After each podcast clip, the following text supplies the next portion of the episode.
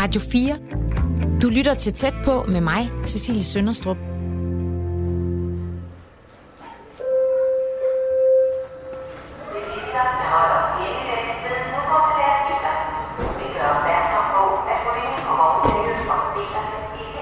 I den her uge handler tæt på om Samsø.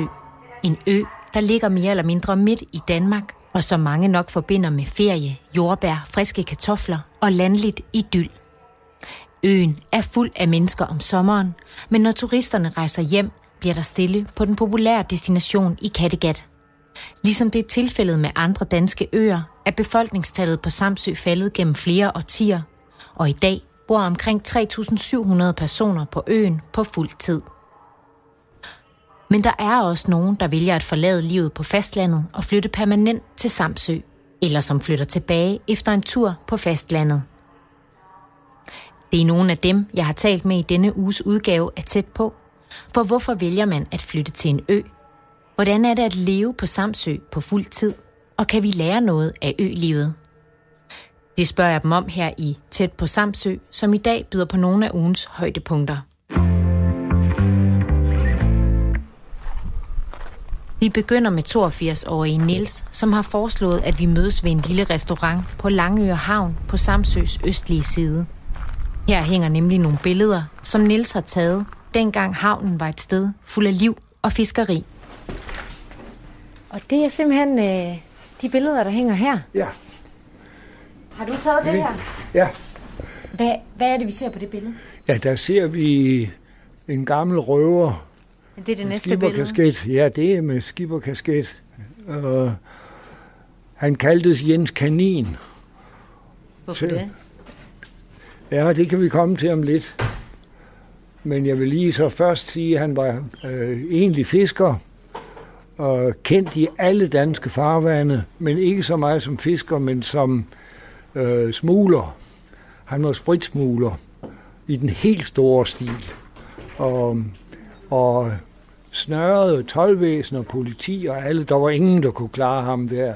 Han sejlede øh, med en større kutter til Tyskland i 20'erne og 30'erne og hentede per tur øh, cirka 9.000 liter øh, ren alkohol, altså det man kalder 96 øh, finsprit. Ja.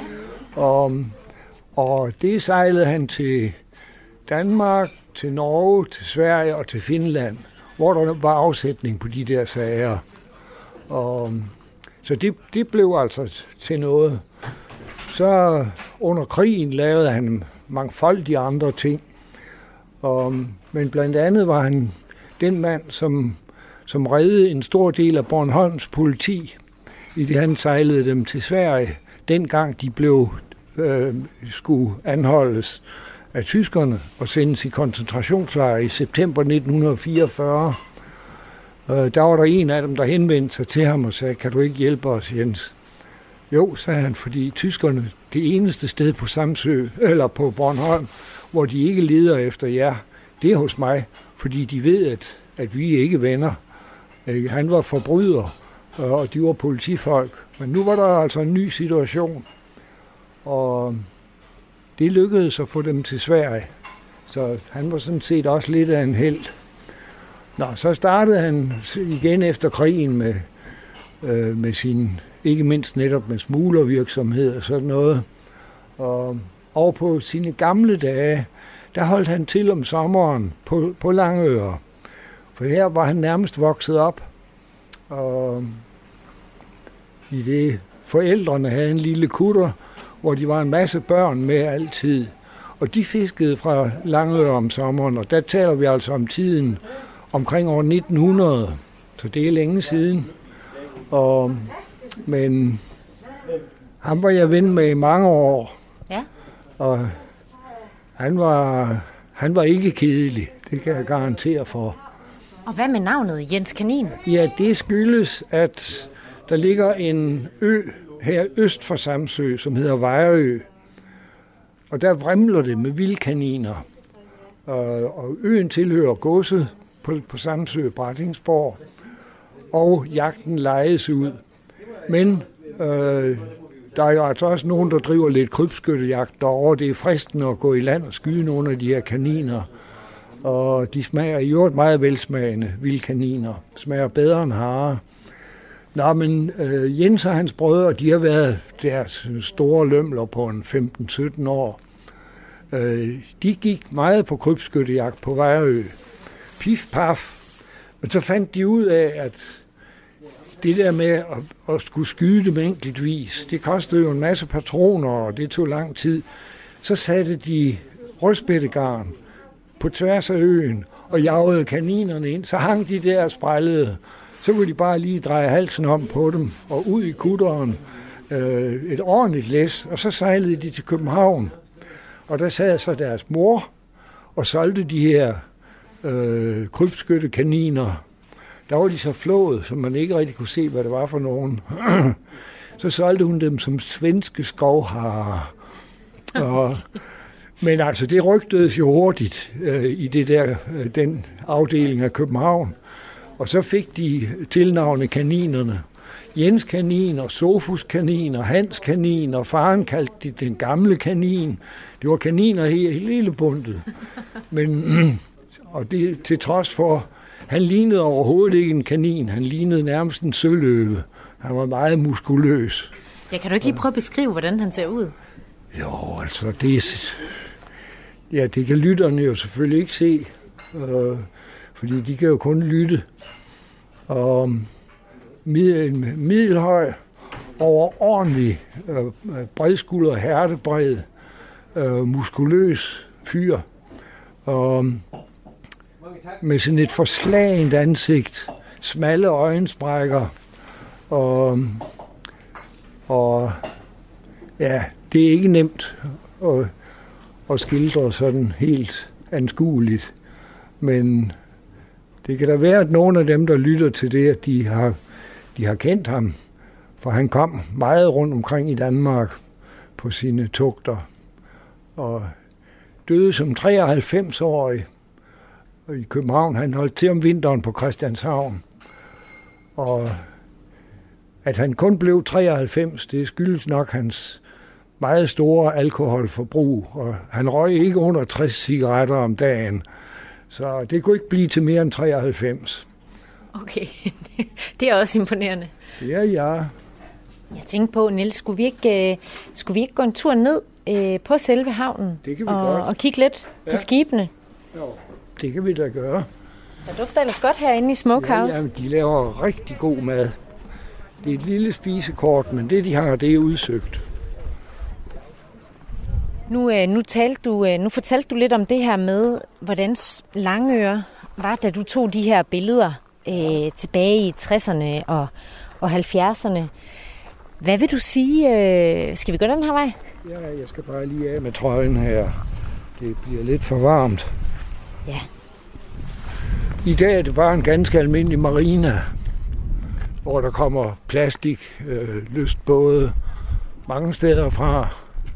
Men den gamle fiskerkultur er der intet tilbage af. Intet som helst. Så det er kun folk, der øh, det er kun lystbåde, der ligger her? Det er med en eneste undtagelse. Det er den kutter, der ligger der. Og og det, men det er så heller ikke i egentlig forstand et fiskefartøj, men det er, en, det er et det er en foderkutter til et havdambrug, der ligger ude i Nordby Bugt. Skal vi lige kigge på den? Ja. Den er den har Dannebrogs farver. Ja, ja. Rød og hvid. Jeg ved ikke, hvorfor de har malet den i de det er jo ikke typiske farver for en fiskekutter i Danmark. Hvad er typiske farver for en fiskekutter? Det er egentlig øh, hvid, men brækket med blåt. Ja. Det, det er den klassiske. Og nu er de så blevet mere, mere og mere blå med tiden. Der er mange af dem, de er sådan køkkenblå. Det ser farligt ud. Men altså en, en, en hvid, som er lidt over i turkis eller blå, det, det er den rigtige fiskekutterfarve. Radio 4 taler med Danmark. Du lytter til programmet Tæt på på Radio 4, hvor jeg i den her uge besøger Samsø og taler med nogle af de mennesker, der bor på øen, der enten har valgt at flytte hertil, eller har valgt at flytte tilbage efter at øh, være vokset op her. En af dem, der har valgt at, at flytte hertil, det er dig, Nils. Øhm, du kommer oprindeligt fra Aarhus, øh, men så for godt 40 år siden øh, beslutter du dig for at flytte herover. Hvordan kan det være, at du er ind på Samsø? Ja, det er fordi jeg jo altså øh, allerede 20 år inden jeg flyttede hertil, var blevet meget, meget glad for Samsø, havde fået venner herovre, og øhm, ja, altså grunden til, at jeg øh, fik øje for Samsø, som så blev en del af min skæbne, øh, det var det, at jeg øh, fra stor knægt af øh, var meget, meget jagtinteresseret. Og da jeg ikke havde nogen landjagt at kunne gå på, min far var ikke jæger, så var havjagten, som jo var fri, det var det eneste, jeg kunne. Og jeg havde en lille båd, så jeg købte som 14-årig allerede. Og, og der opdagede jeg, at havet vrimler jo om efteråret med, med ender, dykkeender, hovedsageligt æderfugle. Og når jamen, så blev, fik jeg efterhånden et lidt større jagtfartøj og kunne komme længere omkring. Og så havde jeg kigget på Samsø, fordi jeg kunne jo af kortet se, at det måtte være et sted, der var godt til havjagt. Specielt Østsamsø, øh, herud for Langøre. Og så sejlede jeg herover i 1962, og det blev altså en skældsættende sejlads, kan man sige. Jeg kom til Langøre og blev vildt indtaget i Langøre, som var eksotisk. Det var som at komme til sine oldeforældres Danmark eller sådan noget. Der var ikke øh, netstrøm, der var ikke ledningsvand, og øh, det var meget, meget gammeldags alt sammen. Meget spændende. Og en fantastisk jagt. Så der kom jeg jo så igen og igen, og, og mine, slæbte mine venner med, og nogen købte hus herovre, og de der, der var sådan en helt ja, trend til, at nu skulle det være Samsø. Og hvad, hvad var det ved det her med, at, øh, at det var sådan øh, en tidslomme måske, at det, det var lidt gammeldags herovre? Hvad var det ved det, der var fedt, synes du? Ja, det var mentaliteten, stemningen, og det var noget andet end, end det der overfladiske byliv, og meget mere naturforbundet, og, og nu var det sådan set ikke så meget de indfødte på Langeøre, som vi havde kommet. De var sådan, nogle, de fleste af dem temmelig reserverede. Men det var de der sejlende originaler, som kom andre steder fra, som jeg har fortalt om med billederne, ved billederne. Og der var også andre. Der var nogle meget, meget spændende hummerfiskere fra Grenå, og Anders og Victor og Tykke Ip. Og, for der var mange hummer ude dengang. Og når vi havde et gevaldigt leben, og så havde vi jo netop venner og kærester og ditten og dat med. Så der blev, der blev fejret. Der var liv i kludene. Og så på et tidspunkt, så tager du springet og, ja. og, og beslutter dig for at flytte ja. herover. Hvad sker der der? Ja, hvad der sker, det var det, at jeg havde i nogle år været universitetslektor i nyere tysk litteratur. Det var ikke nogen succes og det var i studenteroprørets glade og gale dage. Og jeg kunne ikke sælge varen. Det, øh, sådan noget ældre litteratur, det kaldte studenterne for gammelt borgerligt lort. Og det var, øh, jeg havde de forkerte meninger, og jeg, ja, det, det var, der var også altid ballade på lærerværelset. Og øh, det, var, det var i vild opløsning. Og så efter nogle år på den måde, der tog jeg så en stilling som øh, museumsinspektør på Fiskeri- og Søfartsmuseet i Esbjerg. Og det passede mig noget bedre. Der kom jeg jo så til søs igen, med, fordi jeg tit var ude med fiskerne og filme og fotografere og lave optegnelser dit og datten. Desværre var det kun et vikariat, så jeg var der i fire år. Det var et langt vikariat. Ja, det var det. Og, men så var så skulle den gamle inspektør tilbage i sin stol, og så var jeg pludselig arbejdsløs. Så kunne jeg søge stilling øh, et eller andet gymnasium eller et eller andet. Det har jeg ikke meget lyst til. Altså, da jeg øh, måtte opgive min stilling i Esbjerg i 1979, så øh, købte jeg hus på Samsø og blev fastboende. Øh, men tilbragte dog det meste af tiden til søs. Men min bopæl var Samsø, og det har det været lige siden. Sådan fortalte Nils Bak om, hvordan han endte med at flytte til Samsø i 70'erne. Du lytter til tæt på, som i den her uge handler om Samsø. Den næste person, vi skal høre, er en mand, der er født og opvokset på øen, og ligesom de fleste andre samsinger, tog til fastlandet i ungdomsårene. Men Søren Hermansen er vendt tilbage til øen som voksen, og i dag er han direktør for Samsø Energiakademi. Her har han blandt andet, sammen med øens øvrige beboere, været med til at gøre Samsø uafhængig af fossile brændstoffer, så øen i dag er selvforsynende med vedvarende energi. I klippet, vi skal høre nu, er Søren og jeg på vej ud til en gård, som ifølge ham er et godt billede på øens klimavenlige omstilling. På vej derhen spørger jeg ham, hvordan det var at vokse op på Samsø. Jamen for mig var det jo et fantastisk sted. Der var, der var langt flere børn dengang, øh, men, men, men det er, det, det, det er et lille lokalt sted, hvor folk kender hinanden. Øh, jeg, dengang var det, var det, hvad skal man sige, for mig jo et stort samfund, fordi jeg gik i en lille lokal skole i Koldby, Øhm, og der gik man ind til 7. klasse, og så flyttede man ind til Centralskolen i Tranebjerg, som var 4 km væk. Og det var jo grænseoverskridende at skulle flytte ind til den store skole, hvor bybørnene fra Tranebjerg de gik, og de talte jo rigsdansk, og, og det, det, det, det var det første store, kan man sige, øh, sådan kulturschok øh, at få, det var, det var det der flytning. Og hvor mange boede, øh, hvor mange boede her dengang? Dengang boede der nok 5.500 mennesker på samme, så tror jeg, da jeg var, da jeg var barn. Øh, nu bor der knap 4, øh, 3-7 tror jeg det hedder, øh, i statistikkerne. Øh, men der er knap så mange børn, øh, fordi aldersgennemsnittet er steget. Så, så der er flere pensionister her nu, end der var dengang. Ja, mens vi lige kører her, så kører vi lige forbi fjernvarmen. Der ligger lige en fjernvarmeværk lige hernede. Det, for, det forsyner Ballen og Brundby to byer. Ja. Og det får halm fra de omkringliggende marker her. Og det er så en af de gårde, vi skal ud til at besøge. Og der er også nogle vindmøller her? Ja, men der er også nogle vindmøller ude i, i, i horisonten her på de samme gårde, på de samme jorder. Så der bliver produceret meget energi her. Både, kan man sige, bioenergi og vindenergi og solenergi. Øh, lige det her område. Det er vores, øh, vores Energy Valley, hvis man kan kalde det det. I stedet for Silicon Valley? Ja. Nej, men tilbage til det der med centralskolen. Altså Samsø er jo et samfund, der består af rigtig mange samfund.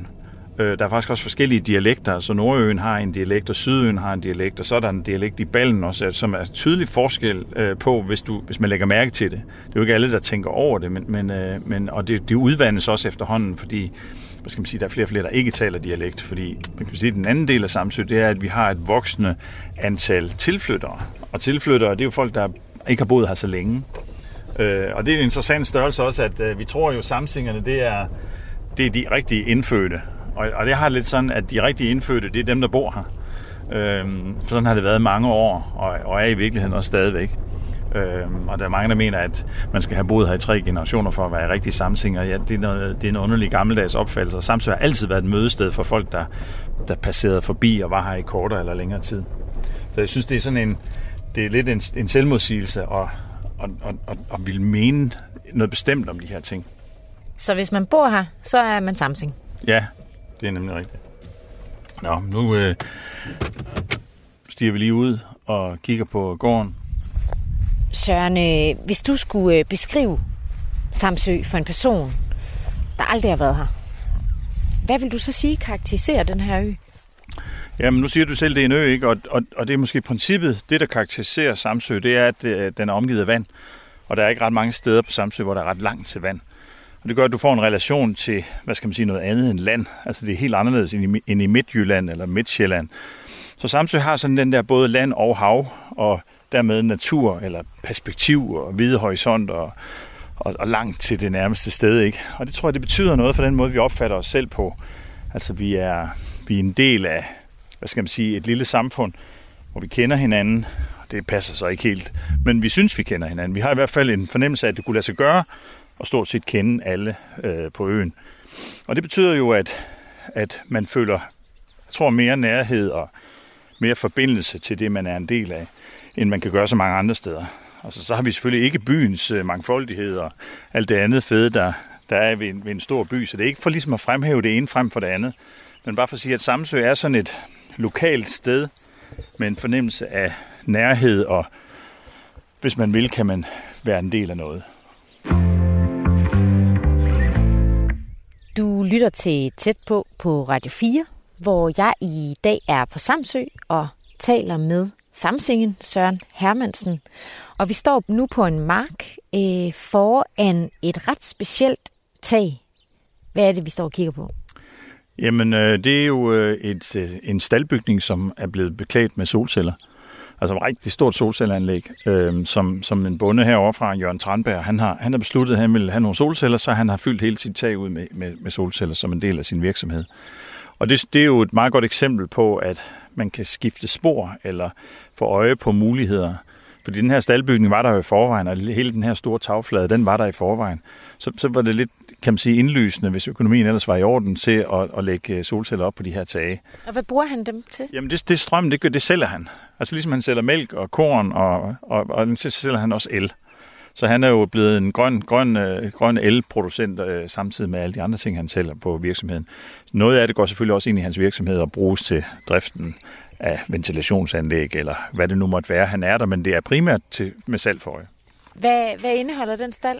Jamen, han, det er en tidligere malkekobesætning, så han har haft malkekøer herindfra. Nu har han mest øh, naturplejekøer, altså øh, kødkvæg, som, som han sætter ud øh, som, som naturplejer. Det, de arbejder faktisk for ham rundt omkring på de beskyttede arealer, naturarealer og sådan nogle ting her, hvor de holder træer og buske nede, sådan at øh, man kan bevare landskabet i den form, man gerne vil have det. Så, dem, så, så, så de er, de er, de er plæneklippere øh, på fire ben øh, ude i naturen. Lad os gå hen og kigge på en af plæneklipperne, fordi jeg synes, den, den indeholder, der er noget historie i den, som, er, som, er, som jeg synes er rigtig interessant. Ja.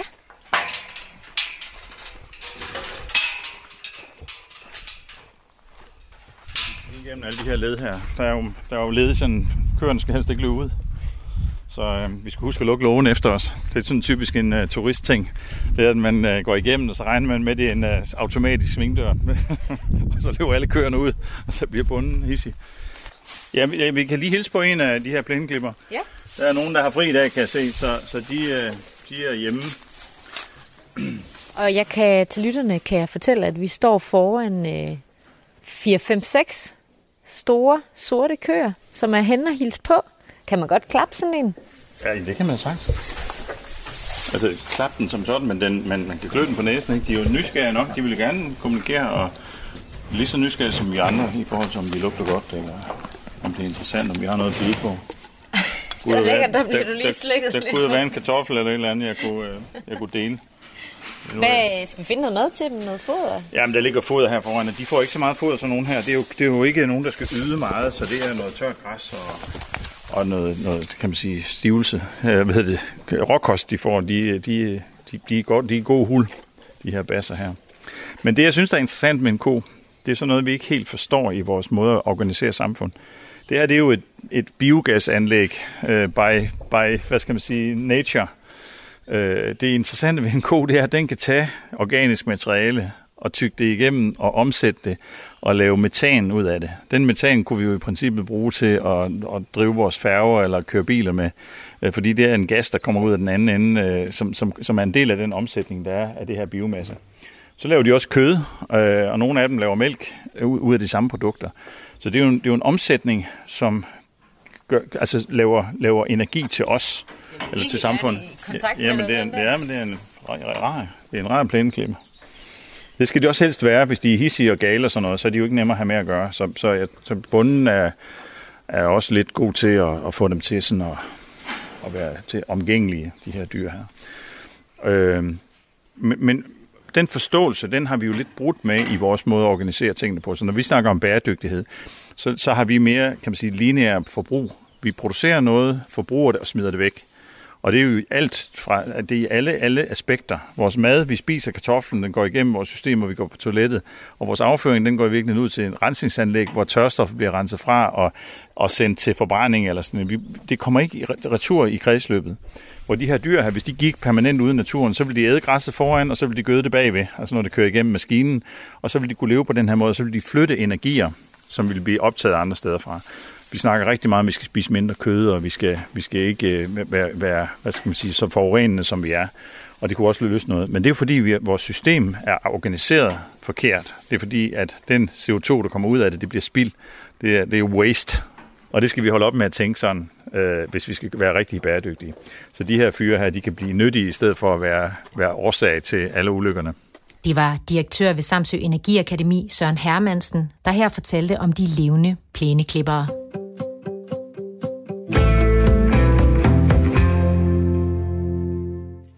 Skal du have æg? Ja, det vil jeg godt. I den her uge handler tæt på om Samsø, og i dag bringer vi nogle af ugens højdepunkter til dig. En af de personer, der har valgt at forlade fastlandet og flytte til Samsø, er 57-årige Trine.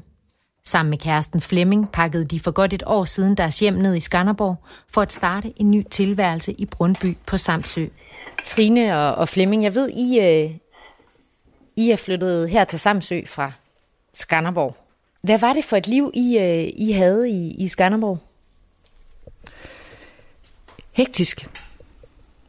Øh, men ikke mere hektisk end alle mulige andres arbejdsliv. Hvad lavede du for eksempel? Jeg arbejdede i en stor virksomhed, hvor jeg skulle have en rigtig mange rejsedage, hvor jeg har arbejdet i 27 år. Øhm, jeg fløj rigtig, rigtig meget flyvemaskine og skulle rigtig meget til udlandet. Det var øh, et stressende, stressende arbejdsliv. Det var også et mega spændende arbejdsliv. Og jeg vil ikke have været det for uden, og jeg har lært utrolig meget på den arbejdsplads, som jeg har været på i mange, mange år. Men jeg er også meget glad for den tilværelse, som jeg så har fået nu, som handler om et mine små cirkler, som jeg kalder dem, som handler om, nu har vi lige været øh, nede på morgenbad, øh, at jeg kommer hjem, at jeg har min butik i vores øh, bolig, jeg har mit arbejdsliv her, og, og selvfølgelig er vi også af øen og arbejde, og vi har også nogle opgaver herover på Samsø. Det er så Men, nu, ikke? Altså i forhold til, hvad det var før. Der, kan man sige, der, der var det sådan, at der kørte vi i hver sin retning.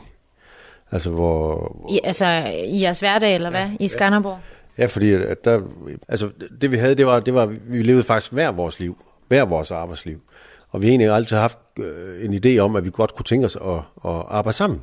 Fordi det er vi faktisk rigtig gode til. Øh, Trine, hun er jo skruet helt galt sammen i hovedet. Hun kan få alting ud af ingenting. Øh, og hvad hedder det? Og jeg kan som regel lave det. Altså, sådan nogle ting kan jeg ikke. altså bygge det for eksempel? altså hvis det bliver for vildt, så kan det godt komme til at knive lidt lige imellem. Men bortset fra det, så, så, så er vi skide gode til at arbejde sammen. Og vi kan godt lide det. Øh, mange siger det der med, at jamen, vi skal... Er det ikke sådan det der med at være sammen hele tiden, men, men vi kan, jeg kan faktisk godt lide at være sammen med min kæreste hele tiden. Øh, det synes jeg ikke, der sker noget ved. Hvad hedder det? Så det er faktisk fedt. Øh. det var en mulighed for os at købe et et kæmpestort sted, hvor vi rent faktisk både kunne have butik og udlejning. Vi har så fået et 350 kvadratmeter håndværkertilbud, og heldigvis så kan Flemming bygge. Øhm, fordi hvis han ikke havde kunnet bygge, så havde de heller ikke kunne lade sig gøre det her.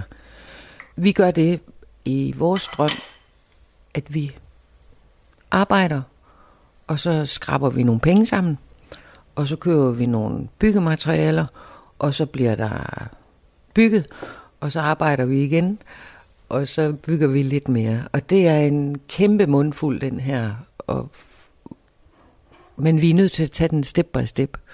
Der var nogle af vores venner, der sagde til os, at, øh, at det var da godt nok i sidste øjeblik, at vi gik i gang med det her projekt. Hvad mener de med det? Fordi vi er oppe i årene, og det er, det er, det er praktisk talt et livsprojekt, vi er gået i gang med, med, det, med den bolig, vi, vi har fået nu. Men det er en drøm, og og man kan sige, at en af idéerne med det, det var jo også det der med, at i stedet for, at man betaler en helvedes masse i husleje, man har en masse udgifter, som øh, ekspanderer hele tiden.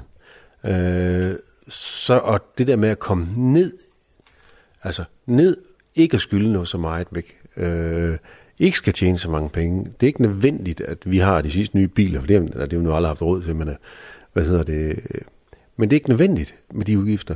Og så herunder, der, der er det jo sådan, at nu her corona, under coronakrisen, ikke? Jamen, der har det været sådan, at jamen, altså, vi, har ikke, vi har ikke svedt, fordi at, når, jamen, vi kan godt klare os, fordi vores udgifter er så små. Det var en af mine store øh, incitamenter for, for at flytte herover. Det, var, øh, det er det, jeg synes, der er fantastisk. Ikke? Men også det der med at leve. Leve et sted og bo et sted og leve af det. Det har været, det har været vores drøm. Ja. Og hvorfor lige Samsø? Fordi det er fantastisk. det er det der små cirkler. Det er det der med at træde 30, 40, 50 år tilbage i tiden. Øh, sådan rent øh, personligt mæssigt, hvor, hvor, hvor folk de engagerer sig i en. Øh, folk tager hånd om hinanden. De er glade for, at man kommer. Øh, spe, altså, specielt hvis man er, har åben, åben sind, når man kommer og sådan noget. Ikke? Der er nogen, der vil sige, jamen, ja, de er så nysgerrige, og de øh, holder øje med hinanden. Men jeg synes herover der, der er det sådan ligesom om, at man holder øje med, med hinanden på en god måde. Altså, man, man, øh, at det, det er på den positive måde, man holder øje. Man holder øje med, om folk er okay, om øh, de har det godt. Altså, der, skete, øh, der skete faktisk det, at da vi havde fået nøglen til huset her, og vi kommer herover, og vi åbner døren, og vi kommer ind, så går der 20 minutter, og så står der tre naboer herinde, og den ene med en flaske vin under armen og glas, og byder os alle sammen vel, eller byder os velkommen og siger, hvor er det bare fantastisk, at vi er flyttet herover. Altså, og den måde, vi er blevet modtaget på af, af naboer og folk på øen, altså vi har været næsegrus taknemmelige for den måde, vi er blevet modtaget på. Vi er blevet hjulpet. Guf nede fra Brøndby Hotel har været med mad til os. Har, jamen, folk har spædet på og hjulpet os. Og, og ligesom kommet og klappet os på skulderen og sagt, hold kæft, I gør et stort stykke arbejde. Folk i brusen, folk i byggemarkedet, øh, altså folk vi overhovedet ikke øh, kendte, var hen og klappe os på skulderen og, og rose os for vores projekt hernede, og hvor var det dejligt, at der skete noget godt i det her, i det her hus, som har været lukket ned i over 10 år. Så måden, vi er blevet modtaget på, har været utrolig positiv. Det er uovertruffen. Altså, det er helt fantastisk. Ja. Og så er der også det, man alle kender alle. Altså, man bliver hilst på. Altså, nå, goddag, og så man aner ikke, hvem, hvem de er. Og så kommer de hilse på hende og siger, nej, det er dejligt, I komme. Øh, nå, tak. Altså, det er en anden måde at være sammen på. Helt anden måde. Det var ikke lige det, jeg oplevede øh, i Skanderborg, eller hvad? Jo, Skanderborg synes jeg også er, er, en, er, en, er en positiv by, ikke? Men, men, men der bevæger man sig også i nogle cirkler, som, som er, er lagt lidt fast af, at man har været der i mange år. Trine er jo øh, født og opvokset der, ikke? Altså jeg er så tilflytter for 11 år siden, eller sådan noget i stil.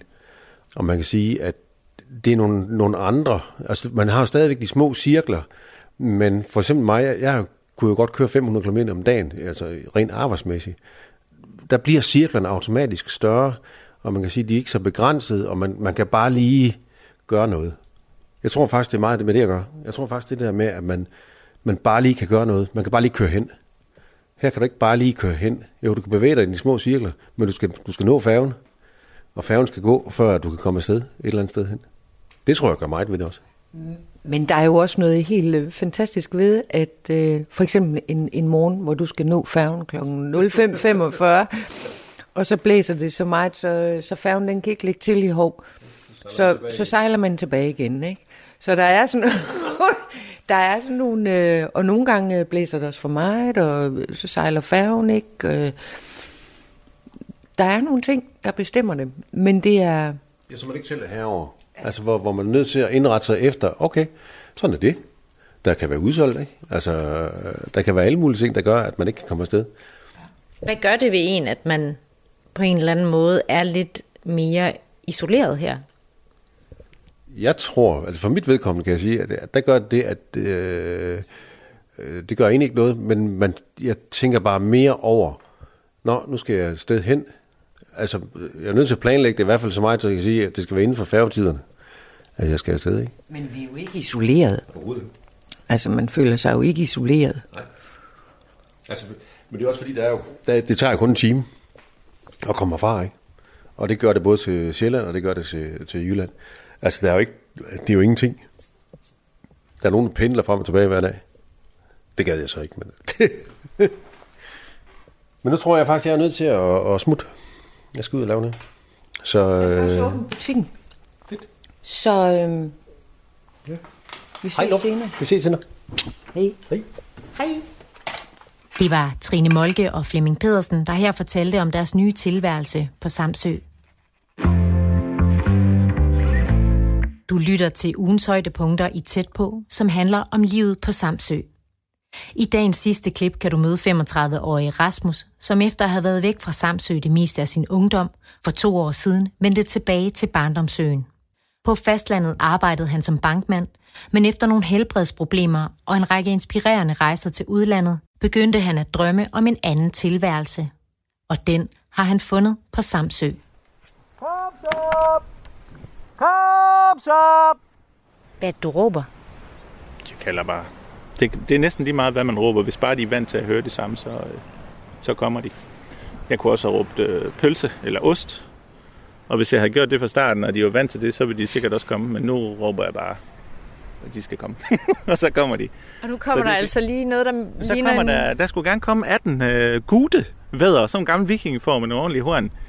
Men nogle lidt forskellige aldre, som at jeg bruger. Nogle af dem bruger til avl, og nogle af dem de skal egentlig bare være her og lave noget naturpleje, indtil de er gamle nok til, at synes, at nu, nu giver det mening for dem at komme herfra, eller jeg skal have plads til nogle nye. Kom så, drenge! Ja! Yeah! Og så når de har god tid, så kommer de sådan gerne i en række, stille og roligt. Og når de sådan virkelig, hvis jeg nu tog en spand med lidt kontaktfoder, så vil de komme væltende, og så er de fuldstændig ligeglade. Så handler det bare om at komme først. Men det er jo ikke nødvendigt nu, fordi du... de er trænet dem der. Og du, øh, og du sagde, at øh, de har noget med naturpleje at gøre. Hvad, hvad er det? Jamen, øhm, naturpleje, det er jo... Øh, jamen, det handler om, at man har nogle arealer, som at... Øh, man kan bruge nogle forskellige værktøjer på. Man kan køre ud med nogle maskiner og knuse nogle buske og træer, eller man kan græste med nogle drøvtykker, eller man kan lade det få noget fred, eller man kan, du ved, der er så mange forskellige måder, man, man ligesom kan, altså forskellige værktøjer, man har, man kan bruge. Og hvad er formålet? Jamen, formålet, det er naturplejen, som der så omformuleret også handler om biodiversiteten. Ikke? Så, så man, man vil gerne fremme en eller anden form for diversitet på det her areal. Så er der andre arealer, man måske gerne vil have nogle buske eller nogle træer eller noget skov. Og, og lige præcis det her areal, der, kan man, der vil man gerne have, at det ikke vokser til i buske og træer. Og der er så noget som de her får, gode specielt, rigtig gode til at spise øh, buske og træ skud. Og ellers sådan holde det åbent, så det er et græsareal. Og så med tiden vil der jo komme øh, diversitet i en flora, blomster og vilde blomster også. Specielt hvis man i perioder giver det fred til, sådan at det ligesom kan komme sig igen, efter det bliver afgræsset. Og det er jo det, de her drenge kan. Så dem flytter jeg lidt rundt. Jeg tror, de har været her et par dage nu, om 4-5 dage, så skal de videre til et næste areal. Så det, de gør, det er, at de simpelthen de hold... arbejder. De arbejder hårdt lige nu. Og der holder de de her arealer lysåbne. Specielt Brumbe og Hybenrosa, der er de her drenge altså virkelig rigtig, rigtig gode til at spise, spise dem og holde dem sådan nede. De forsvinder ikke helt, men man kan holde dem nede. Og så kan du se, at de er også meget glade for hinanden, nogle af dem. Ja, der, der er noget humping. Ja, der er noget bromance, tror jeg, man hedder, man kalder det. Sådan, øh, ja de øver sig lidt på hinanden, og så når vi når hen til efteråret, så er der en 4-5 af dem her, jeg vælger ud, og så får de lov til at gå sammen en 70-100 for at lave nogle lam til næste Babies. år. Ja, så øhm, altså, ham er han da, godt Ja, altså jeg skal da ærligt indrømme, at øh, det er lidt spændende at stå her blandt 18 øh, vedder, øh, der er helt, helt tæt på. Ja. Og hvad gør du så med dem nu? Jamen nu tæller jeg dem egentlig bare lige for at tjekke, at alle er her, at der ikke er en, der sidder fast i et hegn, eller der er en, der ligger og har det dårligt. Eller, og det, de, de trives jo dem her. Fordi jo mere du flytter dem, jo, jo bedre er det for deres sundhed i forhold til øh, de parasitter, de typisk, typisk bliver syge af. Der kan man bryde ormesygten ved at flytte dem noget mere, så de kommer hen på friske arealer, der ikke har været græsset et stykke tid. Så det er det, jeg gør med dem her. Så behøver man ikke medicinere, eller i hvert fald, man kan for det meste undgå det. Så, um, og så er de jo tillidsfulde, fordi jeg flytter dem en del, så når jeg kommer og kører ind med traileren, så render de faktisk bare selv ind. Jeg behøver ikke sætte en fangefold op eller noget som helst. Og så fylder jeg traileren op, og så, og så kører jeg ud, og så går jeg ind og henter næste læs. Og jeg tror, der er en to-tre læs her. Rasmus, hvordan er du egentlig endt med ikke bare at komme tilbage til hmm. Samsø, hmm. men også, også endt med at, øh, at, at, at arbejde med naturpleje? Jamen, skal vi tage den ind i bilen? Fordi ja. det blæser lidt herude, og er lidt koldt, når vi skal ind videre. Du lytter til Radio 4. Jamen, så kan vi videre. Ja. Og øh, jamen, øh, jamen, det startede jo som sagt efter efterskolen og alt det her. Så var jeg jo sådan en, der, der tog til Aarhus på gymnasiet og tog mig en uddannelse og startede på universitetet. Jeg synes måske, det var lidt for teoretisk. Så tog jeg en bankuddannelse i stedet for, og det gik jo vældig, og det var jeg rigtig glad for, indtil at øhm, der skete nogle ting, der satte nogle tanker i gang med noget med mit helbred og sådan noget, og, og det resulterede så i, at jeg cirka fire år efter, jeg havde været i banken, der udnyttede jeg sådan en fratrædelsesordning og øh, stoppede øh, i sommeren 2012, og så fik jeg den idé, at jeg synes, det kunne være sjovt at rejse lidt igen. Så det gjorde jeg. Jeg havde egentlig en idé om noget med øh, den transsibiriske jernbane og en strand på Thailand og sådan noget, men jeg startede med en strand på Thailand, og så greb det jo simpelthen bare om sig, og jeg har aldrig nået den transsibiriske jernbane, det kommer nok. Men på den der strand, der var der så mange mennesker, jeg snakker med, der var så inspirerende, og det greb jo så om sig til, at det der med, at jeg bare lige vil tage et halvt eller et helt år rejsen, og så måske tilbage og arbejde i en bank, det blev så til faktisk 6, næsten 7 år on-off, hvor jeg faktisk ikke lavede andet end at være ude at rejse, og så hjemme bearbejde indtryk, når jeg er ude at rejse og hjemme og så videre. Så jeg har været mange steder, og det satte en masse tanker i gang, på både godt og ondt, men øh, man lærte jo en masse om sig selv. Og jeg fandt lige så stille ud af, at det her med at arbejde i en bank, det var nok ikke noget, jeg ville fortsætte med, når jeg kom hjem. Så så skulle man jo finde på noget andet. Og jeg fandt også ud af, at når jeg var hjemme, så boede jeg med mine forældre. Jeg havde lejet min lejlighed i Aarhus ud. Og der kom jeg jo så igen til at finde glæden ved at bo på Samsø. Jeg kom til sådan, den havde jeg måske lidt glemt, hvor dejligt det egentlig var, da man var barn. Fordi det, så dejligt var det heller ikke, da man var teenager. Der ville man måske gerne afsted på et tidspunkt. Så det gjorde man. Men nu havde jeg ligesom fået også, fordi når jeg rejste nogle gange, så boede jeg også i nogle storbyer i udlandet og sådan noget. Jeg havde efterhånden fået nok af storbyer og larm og stress og, og sådan hvad der ellers er af de sådan lidt ærgerlige ting i en storby. Så det der med at rejse, det mange gange, det, det sætter tingene i perspektiv i forhold til, hvad man egentlig har derhjemme, og så begyndte jeg at sætte mere pris på det. Og hvorfor er det, at det er det bedste sted for dig at bo, Samsø? Jamen det er jo nogle af de ting, vi har været inde på med, at det, der er meget nostalgi i det, og jeg føler mig hjemme. Altså jeg har en følelse af, at jeg føler mig hjemme. Mange af de mennesker, der bor her, har jeg jo kendt i mange, mange år, og betyder rigtig meget for mig. Øh, men også rigtig, rigtig meget omkring arealerne, naturen, og bare i det hele taget området her. Altså der har jeg sådan en, en hjemmefølelse, tryghedsfølelse, og, og en lyst til at, øhm, at blive klogere. Øh, så, hov, hvad er det? Det er Olfert. Olfert. Nu er vi kommet helt op i Mor Bakker, øhm, og der har jeg en tyr til at gå lige ved siden af nogle andre tyrkalde, så han har lidt selskab. Og så kigger jeg til ham en gang om dagen, og så Han får han... kommer Øh, lystigt hen. jamen, han kommer lystigt hen, fordi at, øh, han er en gammel dyrskuetyr. Hej, Olfert. Var godt. Ja. Goddag, ven. Han har ikke nogen horn. Nej. Nu får han lige en lille bit smule af det her. En lille bit smule kraftfoder. Det er det, vi kalder kontaktfodring. Og det er til, når jeg skal flytte ham og sådan noget, og holde ham tam og god og rar og venlig, så får han en lille smule. Så øh, det gør han sådan hver anden tredje dag, jeg kommer op og kigger til ham, så får han sådan lige bare lige et, et, et halvt kilo, 300-400 gram. Og så er han sådan her. Så synes han, det er lidt spændende og hyggeligt, når jeg kommer. Og så om en måned, så skal han ud og arbejde sammen med flokken af Angus. Og det er det, der hedder sort Aberdeen Angus. Det er han en del af. Han har lukket stambog, så han skulle gerne være helt ren raset. Og de er sorte, og de har ingen horn. Og så er det øh, verdens største kødkvæsrace. De er dobbelt så store som Hereford, der er verdens anden største. Og hvad er laver han her?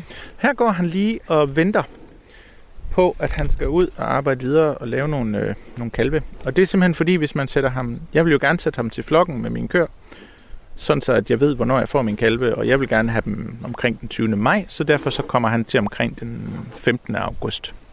Så skal han lige have en måned, hvor han lige går og, og spiser sig, får noget energi igen, og hvor det bare handler om ham selv. Og så skal han ud og lave, lave babyer på omkring 25 køer og kvier. En god dreng. Olfert hedder han. Ja, goddag, Alfred. Ja. Så det var det. Og jeg har lige kigget, at han har det godt. Så er det det. Det er jo det, det meste tiden går med. Det er jo tilsynet med dyrene.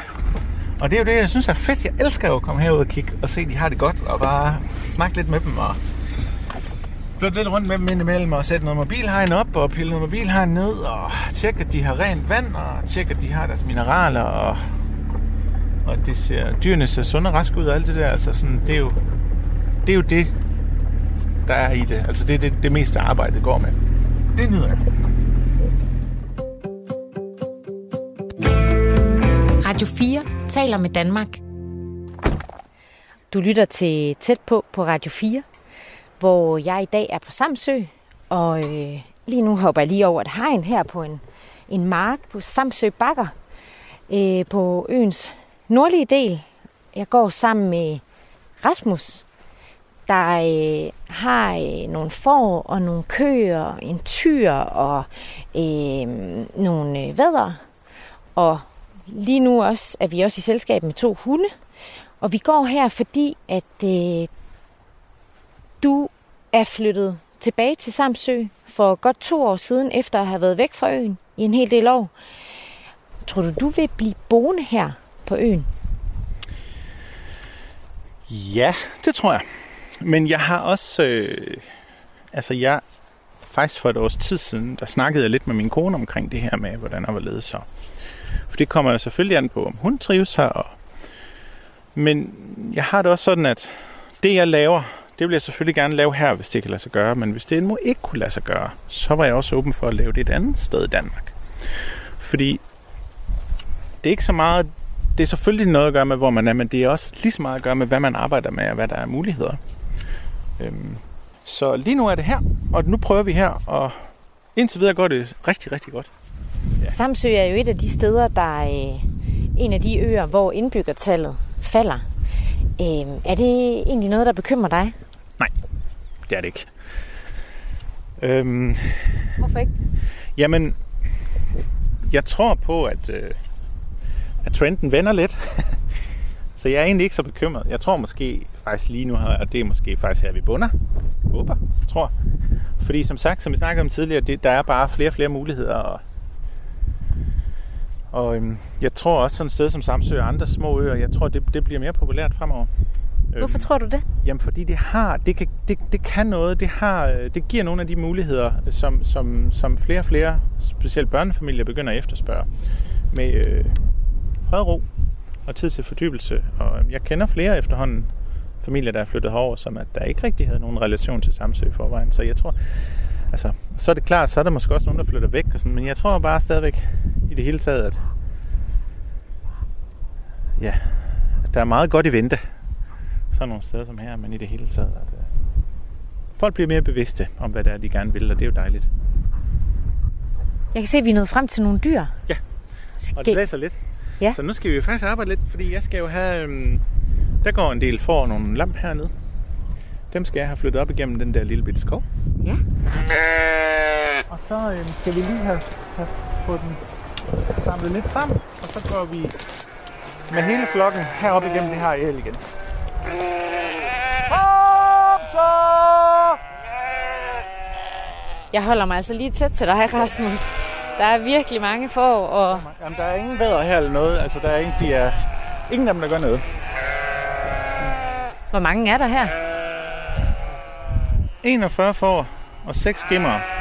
Det er lam fra sidste år, der bliver til får, når de får det. Og så er der 58, 58 lam. Så der er vel øh, 100, 100, 110 dyr, 115 dyr, noget af den der. Og hvad gør du så, når du er færdig her? Er du så færdig for i dag? Så tager jeg lige det der mobilhegn, som der var hegnet her. Så hegner jeg over lidt længere nede, så de stadigvæk kan have et par dage her på de her brumbær, som vi gerne vil have, at de lige har brugt lidt længere tid på, så de måske kan spise lidt flere skud. Og så er det det. Med forne, så har jeg lige tjekket, at alt er vel, og at der ikke er nogen dyr, der sidder fast i et hegn eller nogle brumbær, eller der ikke er nogen, der går og har det dårligt. Alle har det fint, de har frisk vand, de har mineraler, de har fået en frisk fold, de er glade og tilfredse. Og så har jeg stået og nyt det samtidig. Og Og gør så du det kører jeg her? videre til køerne. Og det gør du hver dag, det her? Ja, det gør jeg hver dag. Det. Altså, det er ikke hver dag, jeg flytter dem. Det kommer an på, hvor længe de har været på arealerne og sådan noget, men det er en af mine yndlingsdage, når jeg skal ud og flytte dem, fordi det her, det er jo bare en fest. Hvorfor det? Jamen, fordi der, prøv lige at se. Når man må se der, når de kommer ind på sådan et nyt areal, det er bare fedt. Havde du egentlig nogensinde forestillet dig, at du skulle øh, leve af at, øh, at være forhyrte at passe dyr på forskellige marker? Nej, det havde jeg i hvert fald ikke. Jeg har jo altid været glad for investering i aktier, obligationer og bank og politik og økonomi og ja. Jeg havde ikke forestillet mig, at... altså havde du spurgt mig den, den, den, dengang jeg sagde mit job op i banken, om, om det var, at det var det her, jeg så om, om cirka 8 år vil arbejde med på fuld tid, så havde jeg, jeg masser af aldrig nogensinde min vildeste fantasi forestillet mig. Så nej. Altså jeg tror, de fleste mennesker, de lever jo, søger jo, mange af os i hvert fald efter meningen med livet og meningen med tilværelsen og alt det her. Ja, og jeg, jeg finder det herude med øh, det her arbejde og, og det, jeg går og gør herude. Der, der finder jeg det, der giver mig mening lige nu i hvert fald. Så det er, det er som sagt næsten løn nok i sig selv. Jeg har ikke nogen målsætning om, at jeg skal blive rig af det her på nogen måde. Det kommer heller aldrig til at ske. Men, øhm, men hvis jeg kan fortsætte i det tempo, jeg har nu, uden at skal bruge for meget tid på det, så det heller ikke bliver for meget, fylder for meget, så er det jo fantastisk. Så er jeg jo vildt privilegeret. Øhm, så jeg nyder det, og så er jeg bare taknemmelig for, at jeg er født i et land, hvor der er fred og ro, og hvor man netop kan give sig i kast med sådan nogle ting, hvis man har lyst og mod på det. Ja, taknemmelighed, tror jeg. Gratefulness. Ja, det er, det er, det er et godt ord, ikke? Taknemmelig. Jeg er meget taknemmelig. Du har lyttet til ugens højdepunkter i Tæt på på Radio 4, som handlede om Samsø. I det sidste klip talte jeg med Rasmus Rasmussen, og de øvrige medvirkende var Niels Bak, Søren Hermansen, Trine Molke og Flemming Pedersen. Du kan genhøre udsendelsen på radio4.dk via Radio 4's app, eller hvor du ellers lytter til dine podcasts. Programmet var tilrettelagt og redigeret af mig, Cecilie Sønderstrup.